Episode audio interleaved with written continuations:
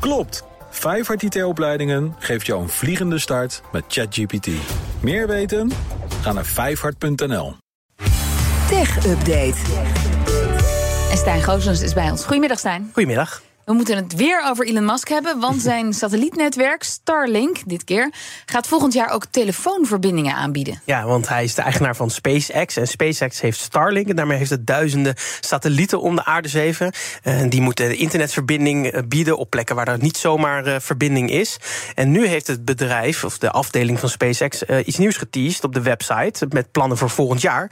En Starlink wil namelijk met direct-to-cell een satellietverbinding bieden aan alle 4G-telefoons over de hele wereld. Zo staat okay. op de site. En volgend jaar komt dat dan als eerste beschikbaar met sms-diensten. Dus niet per se bellen.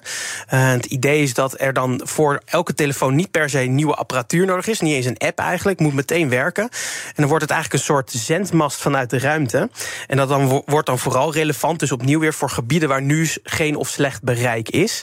Uh, eerder noemde Starlink al dat ze deze plannen hadden. En toen uh, gaven ze aan dat ze daarvoor samen wilden werken met T-Mobile. Mm -hmm. En toen werd nog gezegd dat het eind dit jaar al zou moeten verschijnen uh, als beta. En dat wordt dus nu voor volgend jaar op zijn vroegst.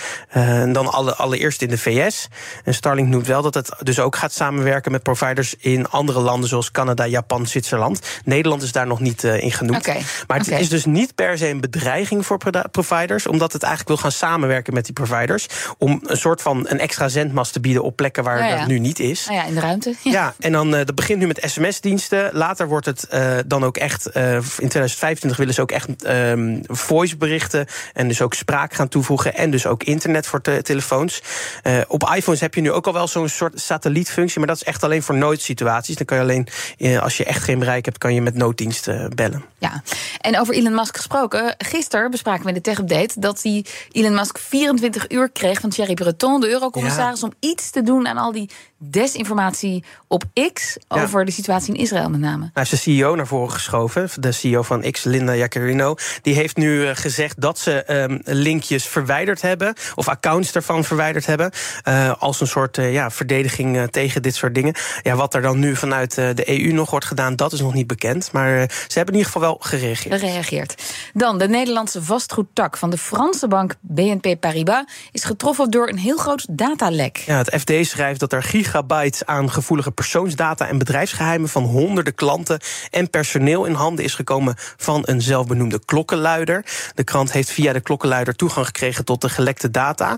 En daar zaten dan gegevens tussen van ook beursgenoteerde bedrijven zoals Delhaize en dus van medewerkers van de bank. Denk aan huurdetails, geheime contractgegevens, salarisinformatie, eindejaarsbeoordelingen zelfs. Ja. En na vraag van de klant heeft de Franse bank deze week haar klant hier ook, uh, hierover geïnformeerd. In april publiceerde het FD op basis van dit datalek al over privé-investeringen in de vastgoedsector door drie directeuren van het bedrijf die bij het bedrijf werkten. Die zijn daarna ook opgestapt. En uit vervolgonderzoek van de krant blijkt dus nu dat het lek veel groter is dan gedacht. De bank heeft een onderzoek ingesteld naar het lek en een melding gedaan bij de autoriteit persoonsgegevens. En de FD wijt er een breder artikel ook over op de site.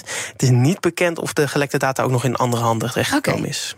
En dan tot slot, chipmaker TSMC mag komend jaar opnieuw apparatuur naar China exporteren ondanks die Amerikaanse exportrestricties die ja, daar hebben, ook gelden. Ja, dat klopt. Dat hebben ingewijden gemeld aan de Wall Street Journal. Er geldt al een tijdje zo'n Amerikaanse exportverbod uh, naar China toe voor apparatuur die uit Amerika komt. Uh, alleen uh, Joe Biden heeft toestemming gegeven aan chipmakers om wel apparatuur naar Amerika te verschepen of naar China te verschepen als dat nodig is in de fabrieken.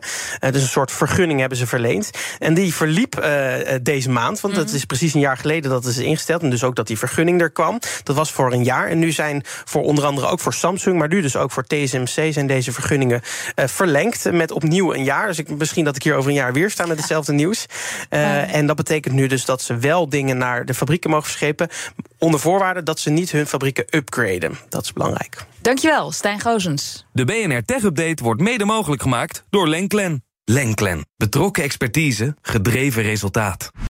Klopt. Vijfhart IT-opleidingen geeft jou een vliegende start met AI. Meer weten? Ga naar vijfhart.nl.